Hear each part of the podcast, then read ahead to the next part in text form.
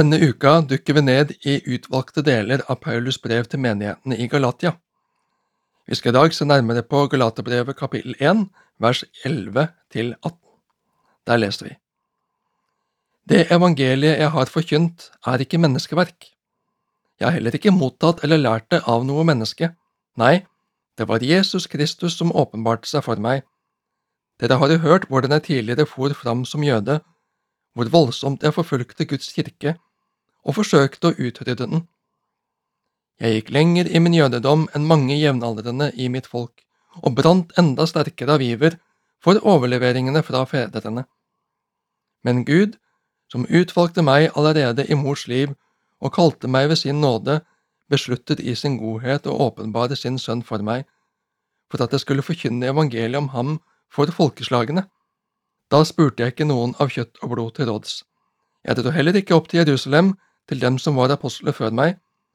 I stedet reiste jeg til Arabia og vendte siden tilbake til Damaskus. Først tre år senere dro jeg opp til Jerusalem for å få vite mer av Kefas, og jeg ble hos ham i 14 dager.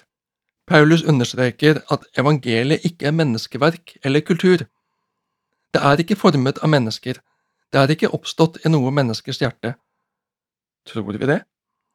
Hvis ja, forholder vi oss til det? Samfunnet rundt oss forholder seg ikke slik til det. Det sekulære samfunnet forholder seg ikke til et guddommelig budskap gitt fra oven, som har myndighet og betydning for våre liv i dag. Paulus er ikke ute etter å få folks anerkjennelse for egne tanker, ord og resonnement.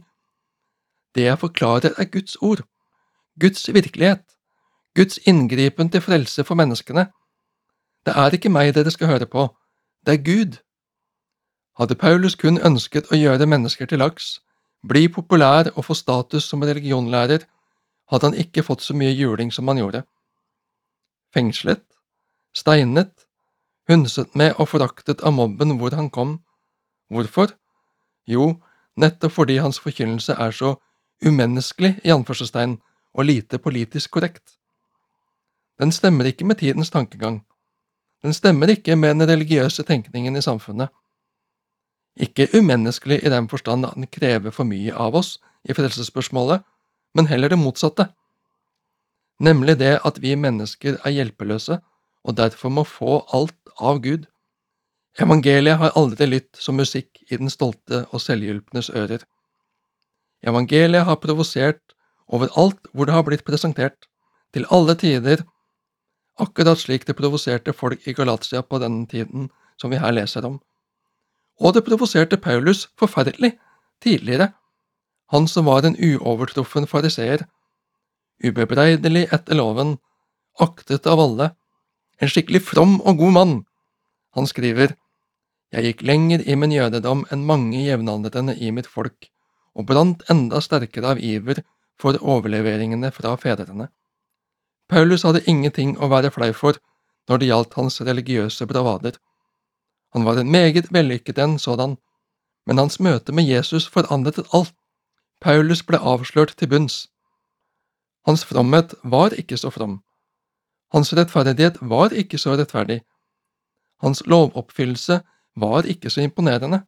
Alt ble så smått, urent, egosentrisk og vanhellig i møte med den evige, gode, fullkomne og hellige Gud.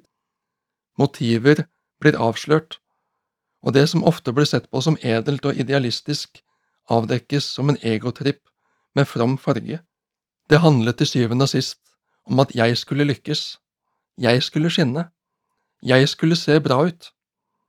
Det var ikke først og fremst for Guds skyld jeg stablet fromheten på beina, det var for min skyld, hvordan jeg framsto for andre. Paulus skriver i et senere brev at alt dette som han så på som et hellig liv, ble avslørt som skrap, Filipperne 3,8. Jeg er ikke i stand til å stable på beina en rettferdighet som er uten brist og mangler.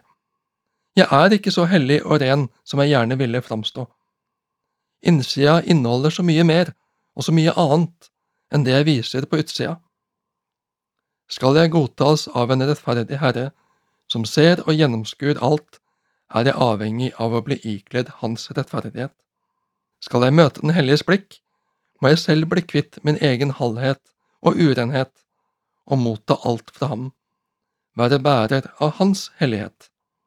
Dette skjønte omsider Paulus, etter store omveltninger og dramatikk i eget liv og en kraftig korreks.